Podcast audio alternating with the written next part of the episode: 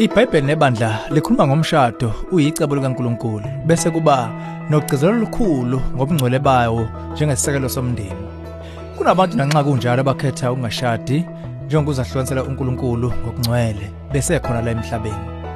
Sizombula ukuthi lithini iBhayibheli ngokushada nokungashadi khona la ohlelweni ezomndeni unganyakazi.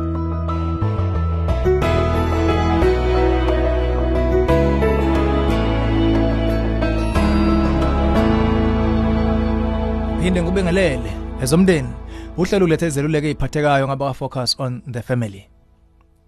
Omnye umlaleli usibhayena nkumbuzo omkhulu. Kanti iBhayibheli alibuki yini umshado njengeqophelo liphezulu lesibili?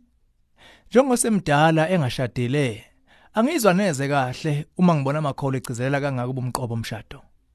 Olwami utadisho lomlando lungolele ekukholweni ukuthi ukuba wedwa kwakuvele phambili kunamanje. Ingcenezelo zokubuka kwesiko lamanje lizivala amehlo ukuba kugqama istatement sika Paul ngifisa sengathi bonke abantu banganjengami 1 kwabasekhonto 7.7 ngikholwa ngumunxa lo okumele siwuthathe serious ngoka Paul ungashade kuyiqophelo ledlula wonke. Niyakuvuma lokho? Umshado kahlehle awusiyo wabo bonke. Yebo nebala ngokweBhayibheli kuningi ubuhle obungashiwo ngempilo yongashadile.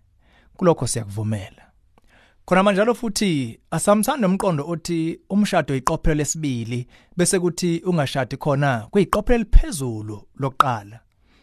Uma lokho kuliqiniso kungani pho uNkulunkulu eqani wathi akuhle indoda ibeyodwa Genesis 2 verse 18 kungani wabenza ngenhloso owesilisa nowesifazane? Genesis 1:27 kungani uAdam wamdala umsizi ofana naye verse18 kungani wabusisa uAdam noEva ngamazwi athi zalanande Genesis 1:28 Istatement senze caca ukuthi umshado uyiqophelo lesibili oqhathaniseka futhi ukuthi useqhulwini ecebeni lendalo usengqikithini ohlosweni lwendalo kaNkuluNkulu ngoluntu. Kulokhu simelo ukuba sibalula ukuthi kunomehluko omqoka phakathi kongashadi kube wedwa nje. Nobizo lwempela lokomoya lwempilo yokungangena emshadweni ngenhloso yokomoya. Akumele ke sikudidele kokubili. Ungashadi kungezimo kwenzeka kubantu ngezathu eziningi ukungathola maqondana ukushona koganene naye izimo einzima zomndeni ubunzima bezempilo nezezimali. Uhlaludeke ngeke siliqede. Ukuzingcwelisa ungashadi ngenhloso kuyisipho. Kuyisipho esimfiliba okuthukela nje. uNkulunkulu asipha abathile kuphela abambalwa.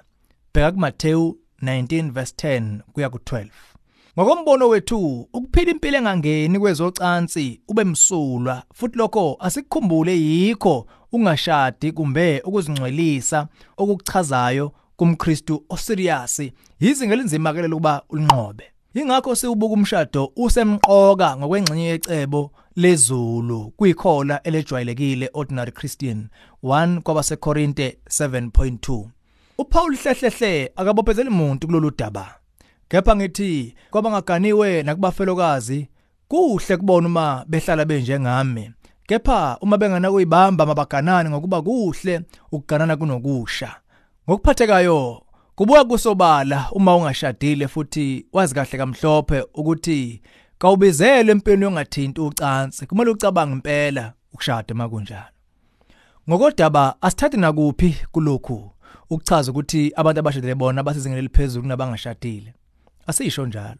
Siyaqonda ukuthi ukuba wedwa kungaba nobuhle bezinto eziningi ezimene zahlukana ngezizathu ezithile nokho siyakholwa ukuthi kulabo ababizelwe lokho Yilomcabango osekubeni kaPaul ngesihloko esoku1 kwabaseKorinte 7 verse 8 no 9. Kulendima uPaul uyaqekelela ukuhlukanisa phakathi kwemiyalelo evela enkosini nakushoyo ngokubona kwakhe. Uphinde acacise ukuthi umqondo wakhe ngobuhle bokuba wedwa ungashadi ungokuphendula ngokwezidingo eziphathekayo ezayiseduze ngokwesimo somlando kubisimo sesikhathi. Nakupha ekusho akekho ekuthena ungashadi kuyimpilo emele ngokoluntu lonke. Sikumemela ukuthi shele ku safamily.co.za ukuthola ulwazi oluthe xaxa ngezihloko ezifana nalesi. Uqinisekise ukushebelezela isitolo sethu sezincwadi ukuthola izinsiza ezingamakhulukhulu engakwazi ukuba zikusize.